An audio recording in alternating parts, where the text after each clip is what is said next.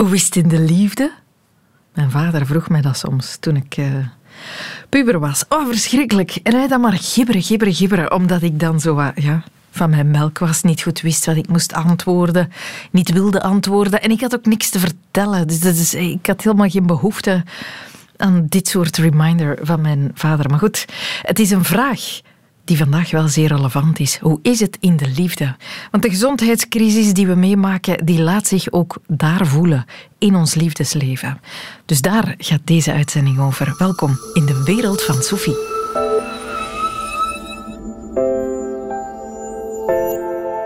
Op de website van Cashpo, dat is een kleine koffiebar in Brussel, staat een bericht van eigenares Sarah dat ze een overnemer zoekt voor haar zaak. Het is afgelopen. Corona heeft daar zeker een rol in gespeeld. Maar, schrijft de eigenares, het was vooral mijn relatie die minder bestand bleek tegen de gezondheidscrisis. Bart Bogaert zocht daarop. Cashpo heb ik eigenlijk opgestart iets meer dan een jaar geleden, november 2019. Dat was eigenlijk een idee dat al een aantal jaar in mijn hoofd speelde. Uh, maar om verschillende redenen stelt je dat dan uit of doet je dat dan niet. En, uh, gewoon november was het, het juiste moment. Dus ik heb eigenlijk vrij snel ja, iemand gevonden dat stopte met zijn eigen koffiebar. En uh, dat was voor mij de ideale locatie om mijn eigen concept op te starten.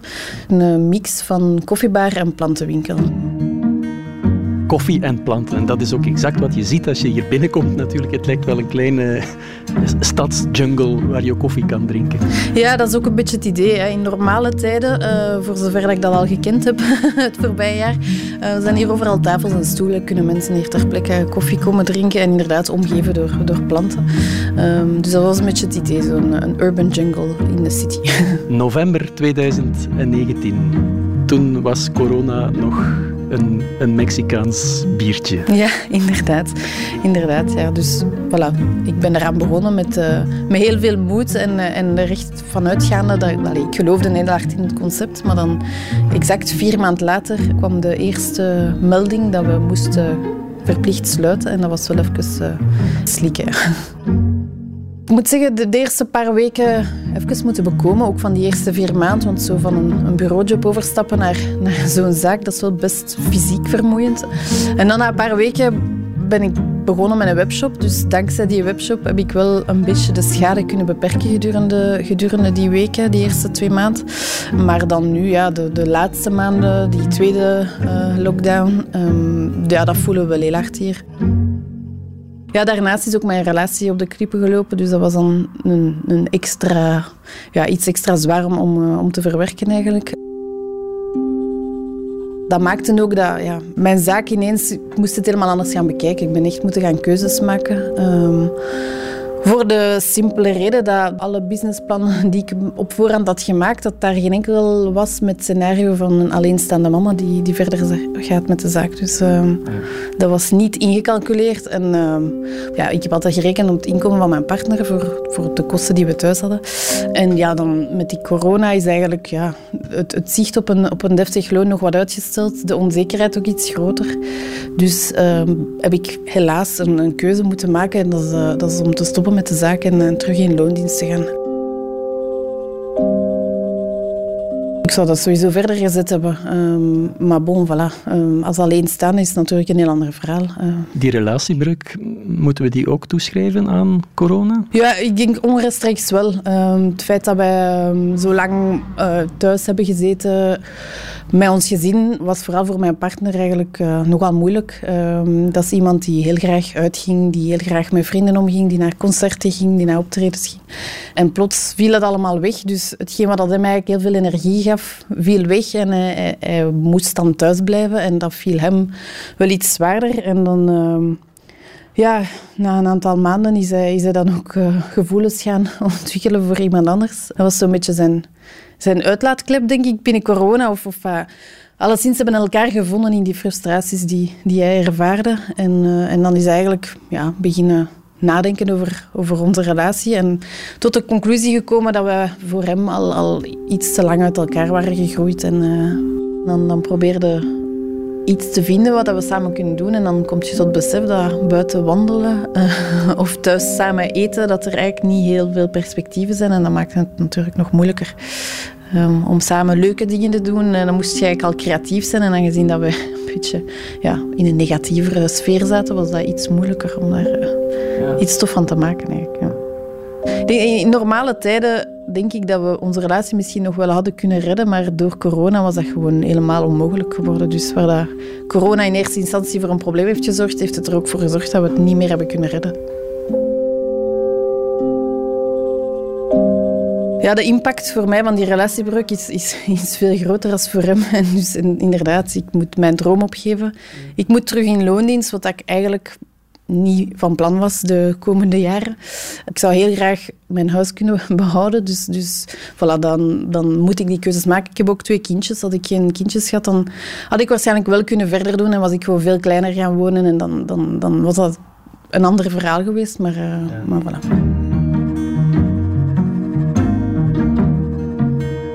Ik ben iemand die, die probeert vooral vooruit te kijken. En ik, ik sluit niet uit dat ik op, op, op iets langere termijn er misschien opnieuw mee begin. En dan neem ik zeker mee wat ik het voorbije jaar geleerd heb. Dus dat is zeker niet verloren. Hè. Nu, nog kan, zal ik het maar vragen. Hè. Mag ik een koffietje, alstublieft? Heel graag. Ik zal dat direct maken. Cashpo zoekt een overnemer. En Sarah zoekt een nieuwe weg in het leven sinds haar relatie stuk liep in coronatijd. Sarah is niet de enige die de impact van corona op haar liefdesleven voelt. De cijfers van de notarissen van de jongste maanden spreken boekdelen. Het aantal echtscheidingen blijft maar stijgen. Relatietherapeuten die voelen het ook aan de drukte in hun praktijk. Absoluut. Rika Ponnet, seksuologe en relatiedeskundige. En bij wie? Uh, koppels en singles. Um, iedereen, denk ik. Uh, het weegt op iedereen. En het weegt nu, heb ik het gevoel, en ook uh, collega's uh, melden mij dat, uh, dat het in, nu in de tweede lockdownperiode nog zwaarder is dan in de eerste. er, is al, er ligt precies een soort van film over ons gevoelsleven en we modderen allemaal zomaar wat verder aan. In eten elke dag van. dezelfde puree in afwachting van. Ja, en het begint ons allemaal ja, toch wel wat um, tegen te staan. Dus um, ja, en veel mensen hebben het mentaal zwaar. Uh, ook binnen relaties merken wij dat uh, ja. zeker. Ja. Het romantische beeld zegt natuurlijk dat lovers altijd samen willen zijn, alles samen willen doen. Waarom valt dat continu samen, zwijn, samen, zwijn, samen zijn ons dan toch zo zwaar? Um, ik denk dat dat voor de meeste mensen niet opgaat. Hè? Dat de andere de invulling is van uw volledig leven en van al uw behoeftes. Dat zet ook heel veel druk bij de andere. En dat is hetgene wat, eh, wat we vandaag toch wel vaststellen. Um, we hebben allemaal ja, dagelijkse stress waar we mee om moeten gaan. En uh, om die stress gereguleerd te krijgen, om daar goed mee om te gaan, om ons goed te blijven voelen, um, ja, gaan wij uh, op zoek naar manieren hè, om dat te reguleren. En de andere, dat is eigenlijk de eerste weg, uh, maar veel meer dan alleen een partner. Hè. De andere, dat is ja, heel je sociaal leven, familie. Uh, vrienden, collega's. Um, en dat is vandaag een beetje gereduceerd tot die ene andere, uh, waardoor er ja, heel veel eieren in die ene mand komen te liggen. En daar waar mensen dat al een stuk gewoon zijn van dat uh, zo te doen, werkt dat goed. En sommigen rapporteren ook een verbetering nog van de kwaliteit van hun relatie. Um, maar voor velen um, is dat, en dat kwam ook een beetje uit dat verhaal naar voren, ja, stapelende frustraties zich op. wordt dat binnen die relatie geparkeerd? Zie je dat dat uh, ja, tot conflicten leidt. Um, uh, mensen uh, ja, helemaal niet graag thuis zijn. de vluchtroutes zijn ook afgesloten. We kunnen wel gaan wandelen. Ik neem het woord niet graag in de mond, want ik denk dat mensen het ondertussen beu gehoord zijn. Ja. Um, maar... Um, ja, inderdaad, buiten dat en uh, samen thuis koken, uh, eten, drinken um, en wat uh, tv kijken, is er eigenlijk niet zo heel veel mogelijk. Dus veel van die secundaire strategieën om ook met stress om te gaan, zijn vandaag niet aanwezig. En voor de introverten onder ons is dat niet zo'n probleem. En mensen die bijvoorbeeld graag lezen of altijd al, al wandelend stress gereguleerd hebben, zal dat ook nu perfect zo werken. Maar voor wie inderdaad graag uitgaat, um, voor zijn welbevinden heel erg afhankelijk is van zijn of haar sociaal leven, uh, is dat nu wel een hele moeilijke periode en zet dat inderdaad heel veel druk op die mm -hmm. ene persoon waarmee je dan samenleeft. Ja. In het slechtste geval komt er dan ook nog eens financiële stress bij, omdat ja. je technisch werkloos bent of zo. Ja, uh, of helemaal geen inkomen hebt. Hè, of moet mhm. terugvallen op een, uh, ja, de, de, de maatregelen, de steunmaatregelen die er nu zijn. Uh, voor sommigen zal dat wel meevallen. Voor anderen is dat een pulsschil en dekt dat helemaal niet wat er maandelijks moet op tafel komen of betaald worden. Ehm, ja, dat is een enorme stressor. Bovendien zitten mensen daardoor ook thuis, hebben niets om handen. je kan zowel een, een maand of twee, drie je bezighouden met de, de klussen die anders eh, waar het anders nooit van komt, zo, het schilderen. En, mhm. eh, dat was die, dat enthousiasme van de eerste, eerste lockdown. ja, eh, iedereen naar, naar de doe-het-zelfzaak en maar beginnen schilderen en de tuin heraanleggen enzovoort en zo verder.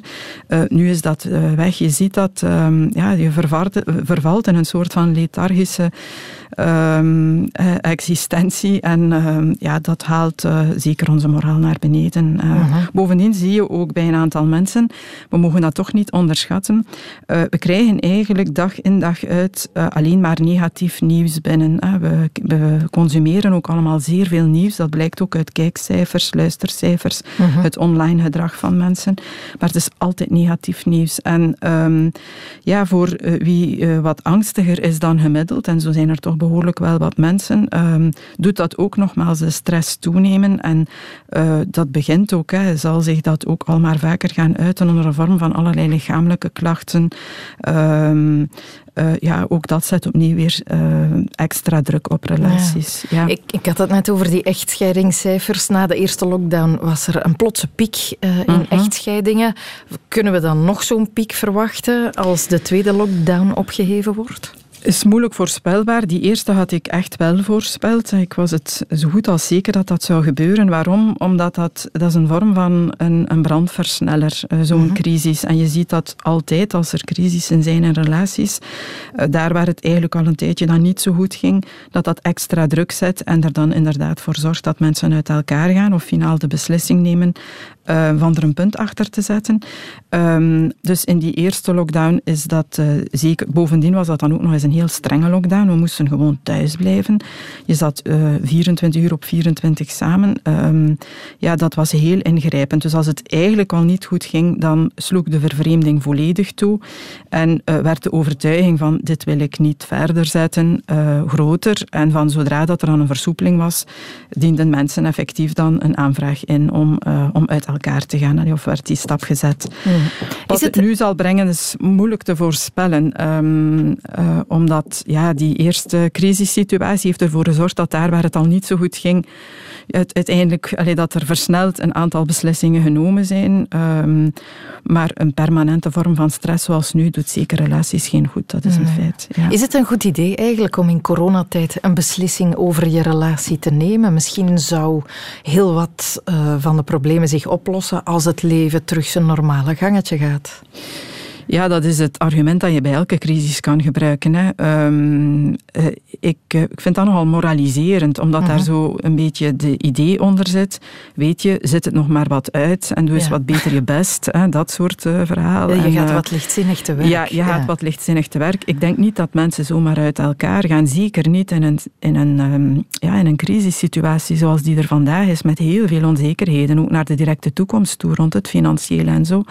Dus ik denk als mensen die stap zetten, dat dat echt wel is, omdat dat voor hen op dat moment of in deze fase echt niet leefbaar meer is, of het een veel beter idee lijkt om, uh, om het apart verder te doen. Dus uh, mm. nee, ik, um, ja, ik ga daar op die manier zeker geen standpunt in, in nemen. Ik weet dat dat telkens weer heel veel lijden met zich meebrengt. En um, uh, ik ga er ook vanuit dat mensen dat niet lichtzinnig doen. Zijn er tips? Stel dat het niet goed gaat, er is relatiemoeheid, het gaat de slechte kant op. Kan je iets doen dan? Weet je, dit is shit en we moeten dat ook gewoon erkennen. Ik denk dat dat heel belangrijk is uh, om te beseffen, uh, ja, we moeten er gewoon door. Het gaat ook een stukje over volhouden. Klinkt ook moraliserend, maar eigenlijk is dat wel zo.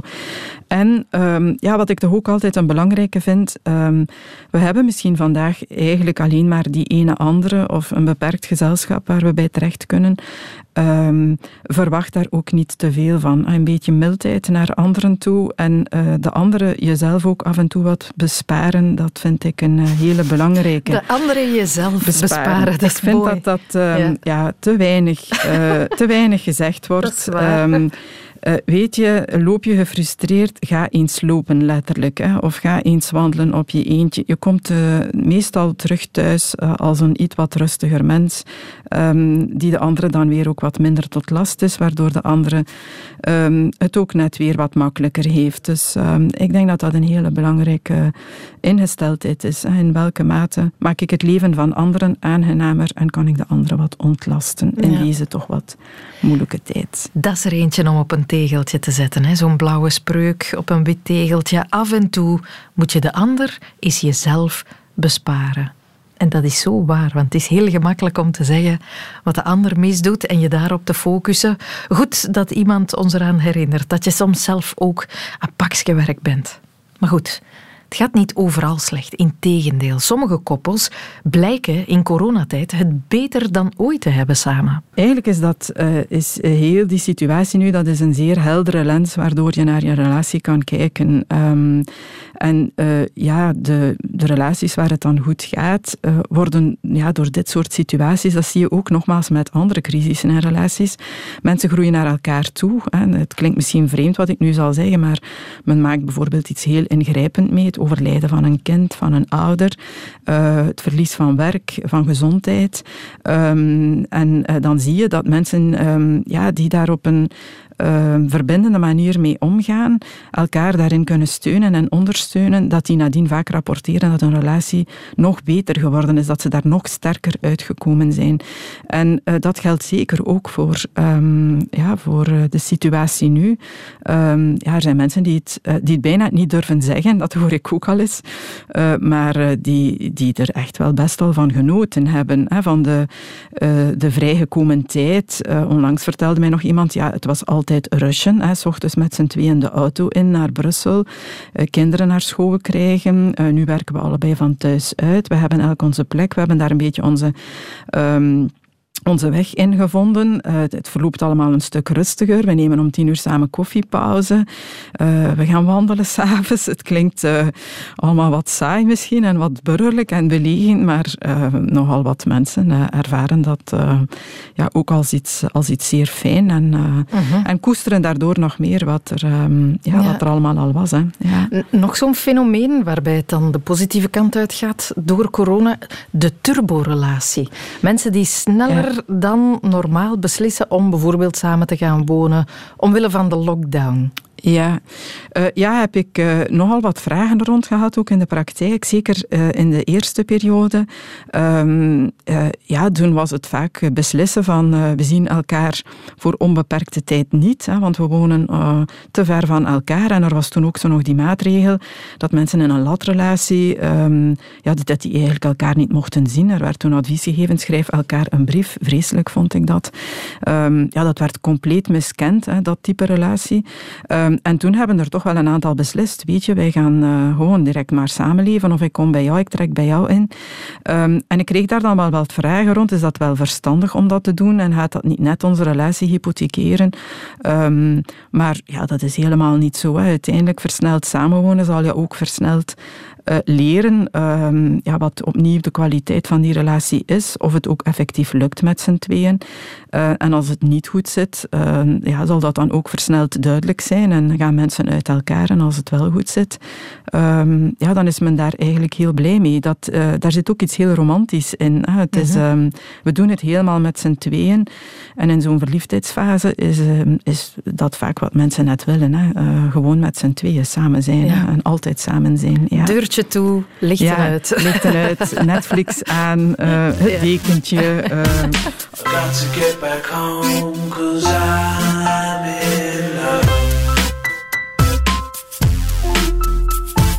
Everything I say, I say for you. You still know. And everything I do, you do it too.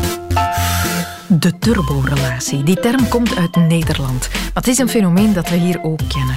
Ik sprak met Eva. Eva is 24, studenten nog. En toen de eerste lockdown kwam, was ze amper een paar maanden samen met Jasper. Met wie ze dan maar hals over kop ging samenwonen. Corona was, was lastig, was zwaar voor iedereen. Maar voor ons uh, was dat eigenlijk heel leuk om samen onze cocon op te bouwen. We hebben eigenlijk... Uh, ja, we zijn dan even samen gaan wonen. En dat was eigenlijk heel leuk voor ons. Uh, om samen te zijn, om elkaar nog beter te leren kennen op een heel intense manier. Het was zo intens dat Eva niet zo lang geleden besloot om Jasper dan ook maar meteen ten huwelijk te vragen. Ja, we hebben het er een paar keer over gehad, puur hypothetisch. En uh, opeens is dat een beetje in mijn hoofd gekomen, dat, dat hij wel de man van mijn leven was. En uh, het idee van trouwen was vooral puur romantisch, echt ook als, als romantische geste van liefde. Uh, vond ik dat vreselijk om gewoon aan hem te vragen van kijk, jij en ik voor altijd. En ja, dat hmm. zat erin en dan heb ik het gevraagd. Corona made them do it. En een trouwfeest plannen in dit soort lastige tijden, dat is gewoon wel tof. Het geeft een soort perspectief, een plan. Een beetje controle hebben over, over de leuke dingen in je leven. Iets om naar uit te kijken, inderdaad. Ik vroeg haar of ze dan geen schrik had om overhaast te werk te gaan. Om plots te moeten beseffen dat je je vergist hebt. Ah, wel? Um, nee, eigenlijk niet. Ik heb er wel veel over nagedacht, ook voordien, voordat ik het heb gevraagd. Um, maar ik heb nog nooit eigenlijk twijfels erover gehad. Ik denk Jasper ook niet. dat is niet gezegd, zeker. Maar um, nee, ik, ik heb het gevoel als het just is, het just. En, en we hebben elkaar op, op de juiste momenten in ons leven leren kennen. En, en ja, we, hebben, we zien elkaar gewoon vrij graag. En, en ja. Soms zit het gewoon goed. Soms is het gewoon wat het moet zijn. Eva en Jasper, ze zijn zo verliefd. Dat is om jaloers op te zijn. Hè? Ah, die tortelfase. Zo zalig. Het is al helemaal om jaloers op te zijn als je deze periode alleen moet doorbrengen. Als je nu single bent of single wordt. Daar had ik het ook over met Rika Ponet. Zeer moeilijk. En dat was ook al in de eerste fase zo. Vooral omdat ja, net zij zijn voor um, ja, die regulatie van de stress via de anderen, hè, waar ik het in het begin over had, wat heel belangrijk is, het contact met anderen. Ik denk als er iets is wat we geleerd hebben, dan is het dat, uh, dat wij als mens, dat ons DNA, dat dat um, uh, echt is uh, verbonden zijn met anderen. Klinkt wollig, maar ay, dat is gewoon hetgene wat uh, ervoor zorgt dat we ons goed voelen. Fysiek en verbonden ook fysiek, echt, ja, ja, en ook echt elkaar zien. Hè, want um, velen rapporteren dat nu ook. Hè, weet je, die online gesprekken en die teams en toestanden. Ik heb het er compleet mee gehad. Hè, dat, dat kost mij vooral ook veel energie. En je hebt dan wel eventjes contact, maar dat geeft zeker niet um, de energie die een contact in levende lijven je geeft. Eh, en net zij zijn daar compleet van afgesloten. Hè. Het is uh, heel moeilijk. Um, ja, ook die regel, je mocht dan met kerst bijvoorbeeld twee mensen uitnodigen. Mhm. Maar ja, dat zijn ook niet altijd singles uh, die jouw beste vrienden zijn. Als je als single vrouw bijvoorbeeld twee goede vriendinnen hebt en die zitten in een relatie, dan zie je die, met die mensen gewoon niet. Hè. Mhm. het enige wat je aan kan doen is ja, wat online contact houden, is bellen, is een wandeling op afstand. Um, maar daar ben je eigenlijk tot veroordeeld en um, dat weegt voor velen erg zwaar. Uh, ook omdat zij, uh, zeker als ze thuiswerken, wat voor velen toch van toepassing is, dan is dat werkelijk de complete isolatie. En we mogen dat absoluut niet onderschatten. Dat is, een, nee, nee, dat is niet evident. Ja. Alle kansen om iemand te ontmoeten vallen ook gewoon weg. Absoluut. Je kan ja. niet gaan daten. Hè? En er zijn ook geen perspectieven. Hè? We zijn er zo goed als zeker van, denk ik, dat we deze zomer nog niet naar grote festivals zullen trekken of allerlei grote evenementen op de agenda zullen hebben. Um, het zal dus wel allemaal een beetje kleinschalig blijven. Uh, en, en, ook het feit dat dat perspectief er zo niet is, um, ja, maakt het extra zwaar. Je kan wel daten, maar het is helemaal online um, en je kan buiten afspreken. Er wordt onder de singles ook enorm veel gewandeld. Je kan ja, het je ja, niet ja. voorstellen. uh, en mensen gaan daar ook wel creatief mee om, hoor. Ik wil het zeker niet alleen allemaal negatief voorstellen. Ik, uh, ik sta er soms van versteld um, ja, hoe creatief men dat dan invult en met hoeveel enthousiasme men dat toch opneemt, wat opnieuw ook aantoont dat die behoefte om mensen te zien, om je geconnecteerd te voelen, om, om daar ook mee bezig te zijn met dat aspect van je leven, dat dat een, een hele, hele dwingende, belangrijke behoefte is. Daten in coronatijd. Daar heeft Brecht, onze reporter, uh, mij ook al over verteld. Dat het opvalt als je in een parkje gaat wandelen, dat je daar heel veel jonge koppels ziet die daar afspreken voor een date, omdat ze niet op café kunnen gaan, omdat ze niet op restaurant kunnen gaan. Het gebeurt zo vaak, of het valt blijkbaar zo hard op. Hij was ervan overtuigd, als hij gewoon een kwartier op een plein zou doorbrengen, dat hij een aantal jonge koppels zou kunnen strikken. En hij had gelijk. Dag Sophie, beste luisteraar. Welkom in 2021. En wie van straat wil geraken, die, ja, die moet uit zijn kot komen. Mag je het vragen? Dit is een date nu? Ja, dit is een date, ja. Ja. ja. Ja. Eh, mag ik weten de hoeveelste? Want ik... eh, De derde date. de derde ja. date. Ja, ja. Oké. Gaat al goed, hè? Ik weet het niet, dat, is, dat ziet er goed uit. Ja, ja. Ik spreek een piepjong koppeltje aan dat duidelijk aan het daten is in crisis. Dat is heel moeilijk. Ja. Als je elkaar niet direct in het echt kunt zien, en, eh, dan is het altijd chatten tegenwoordig nu, door corona. En dan is het wel moeilijk om af te spreken, ja. En ben je elkaar op, op Tinder of ergens op een app tegengekomen? Ja, op Tinder, ja, Ja, inderdaad. Ja. toevallig. Ja. Ehm, ik, ik hou mijn masker op, want we doen het veilig, hè? ja, dat is waar. Ja. Jij draagt wel geen masker nu? eh? Nee, als ik zit of zo, dan niet, nee. Nee. nee. Dit is ook geen anderhalve meter, denk ik, hè? Nu, eh? Nee. We zijn wel echt een knuffelcontact. Ja, ja, toch wel zwaar knuffelcontact, ja.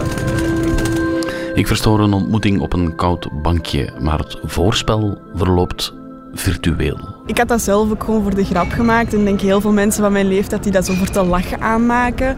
En dan eigenlijk wel zien van, ah oké, wow, eigenlijk zitten er wel nog leuke mensen op van mijn leeftijd.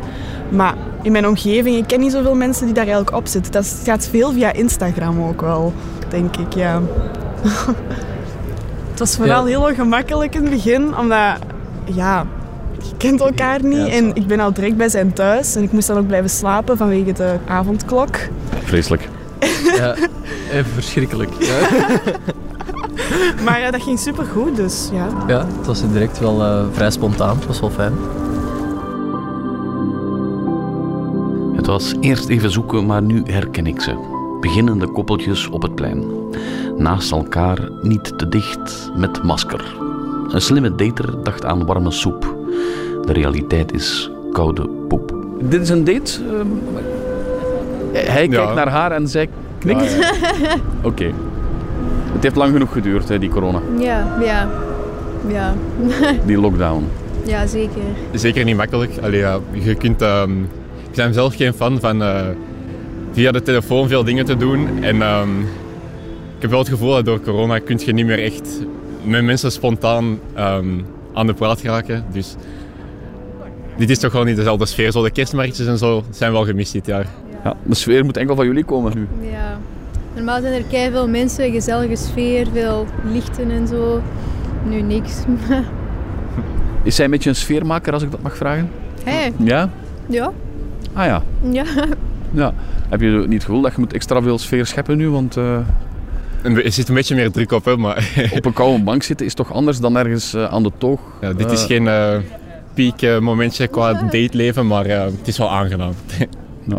Maar ik weet hoe je het aangepakt hebt. Jij bent gaan wandelen. Ehm, ik heb het. Een, was mij, wacht, dat was de eerste keer. Ik had gewoon eens na het school gevraagd na een examen of dat ze iets zou gaan doen. En ehm, ze wou iets gaan doen. en ze vond het goed. Zeg maar, dan probeer je al een jaar lang een date te versieren met die knappen van weet ik veel welke klas. En, en, en dan zit je daar in een Zoom-gesprek zo naar elkaar te kijken. Ja, we zitten niet in dezelfde klas, hè, dus... ah ja, het is het enkel speelplaats. eh, Ja. ja. ja, goed. Je begrijpt het probleem, hè? Het is zo van... eh, er was geen speelplaats al die tijd. Nee, klopt. Nou, dus, eh, ik had al gezegd, ik ben niet zo'n fan van de gsm en zo, dus dan... het lijkt me wel leuker om zoiets spontaan te vragen of zo in het echt. En daar was dan niet de kans voor, maar... ehm wat toch gedaan uiteindelijk, na een jaar wachten. Na een jaar wachten. Nee. En een sms'je of hoe ging het?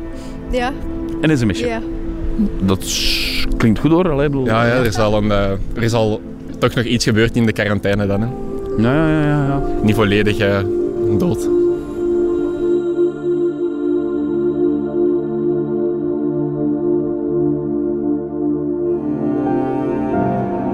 Voor Datend Vlaanderen voelde 2020 maar dood. Maar op deze begrafenis wil ik toch een paar dating-apps bedanken. Wacht, nee, dat heet swipen nu zeker, hè? Naar rechts is like. Vroeger eh, kwam je mensen tegen op café of eh, ging je wandelen of uitgaan. En dan was het veel makkelijker om mensen tegen te komen. En nu is het inderdaad wel wat zoeken. Op, een eh, feestje, hè. Je, kwam, Ja. je kwam mensen tegen op, op, bij het uitgaan Mm. en nu niet. Dus het is de so- social media dat het echt wel helpt eigenlijk. Want daar, zonder dat had het niet gelukt, denk ik. Nee, Nu. zwaar. Allee, niet bij ons toch? Nee. Ja, ik zie jullie alle twee best gelukkig eigenlijk wel. Hè? Ja, denk ik. Ja, ik ben Ja. wel blij dat ik die heb leren kennen vanwege, vanwege corona. is zo stom om te zeggen, maar als het er niet was, had ik hem niet leren kennen, want ik ben vanwege corona ook op Tinder gegaan. Dus het heeft zo allemaal wel zo zijn, eh, zijn weg. Ja, inderdaad. Ja. ja. Dus je zou het aanraden. Ja, ik zou het doen. Als je hebt toch niet veel te doen nu en je kunt het altijd proberen en als het niks voor u is, dan, dan smijt je de app weg en dan probeert je iets anders. Dat is ergens wel positief, want zo kun je... Want vroeger, ja, je leerde elkaar dan kennen zonder al die social media, maar wij hebben dan zoveel meer mogelijkheden eigenlijk als je het bekijkt. Keuze, veel meer Keuze keuze. ook, ja, inderdaad. En je kunt ook heel makkelijk snel zien wat die persoon eruit ziet of is vanwege zijn feed of zijn foto's, haar foto's. En ja, ik weet niet, ik vind dat zelf wel gewoon leuk. Ik weet niet of ik dat zou kunnen zonder om iemand te leren kennen dan. Ik sta hier eh, alleen maar de sfeer te verpesten. Hè. Dank je wel. Geen probleem. Hoe het tussen deze twee is afgelopen, dat weten we niet, kunnen we niet zeggen. Het zijn ook onze zaken niet. Punt is, daten anno 2021, dat doe je met een kommetje soep op je koude poep in een park. Ik wil graag op een positieve noot afsluiten. En dat kan ook. Want als er nu één ding nuttig is aan corona, dan is het misschien wel dat we verplicht worden om alles in vraag te stellen. Hoe willen we leven? Met wie willen we leven? Er is introspectie geweest. Ja, dat zeker. En ehm, zoals ik daar juist al zei, ik denk dat we meer dan ooit beseffen ehm, ja, hoe belangrijk onze contacten zijn. Ehm, en hoe belangrijk het ook is om dat eh, als waarde in je leven toch centraal te stellen. Eh, dat hoor ik ook heel vaak van singles. Ehm, ja, die geven vaak op heel veel manieren invulling aan die behoefte op een secundaire manier. Het eh, veel afspreken met anderen, uit eten gaan, een eh, enorm gevulde agenda. En als dat dan ineens herleid wordt naar niets, eh, het besef van, ehm, ja, is dat nu eigenlijk wat mijn leven zinvol maakt of vervullend? Of is er toch iets anders wat daaronder zit en waar ik mogelijk wel wat meer aandacht moet aan geven in de toekomst? En dat, ehm, dat hoor ik zeer vaak. Hetzelfde ook met koppels eigenlijk. Eh, je kan daar negatief naar kijken, hè, naar het feit dat meer mensen nu uit elkaar gaan. Eh, anderzijds gaat dat ook over het evalueren eh, van wat er is en tot de conclusie komen, dit is het niet. Ik heb dat nogal gezegd, scheiden is ook een uiting van ons verlangen naar verbondenheid. Een verbondenheid die we niet meer vinden in de relatie waar we deel van uitmaakten en waar we toch opnieuw naar op zoek gaan. En, ehm, dus ik bekijk dat zeker niet allemaal alleen maar als, als iets negatief. Het is nuttig geweest, al dat gedoe. Mag dan gedaan zijn. Kom maar op met dat vaccin, met het Rijk van de Vrijheid. We zijn er klaar voor. Dit was hem, de podcast voor deze week. Volgende week weer een nieuwe. Ik weet nog niet waarover, maar het gaat een goeie zijn. Dus abonneer je nu al, dan ben je zeker dat je die toegestuurd krijgt. Van de voor niets. Je hoort ons ook elke weekdag natuurlijk. Gewoon op Radio 1 tussen 10 uur en 12 uur. Tot gauw. Dit was een podcast van Radio 1. Ontdek nog meer podcasts van Radio 1 in onze app en op radio1.be. Radio 1. Altijd benieuwd.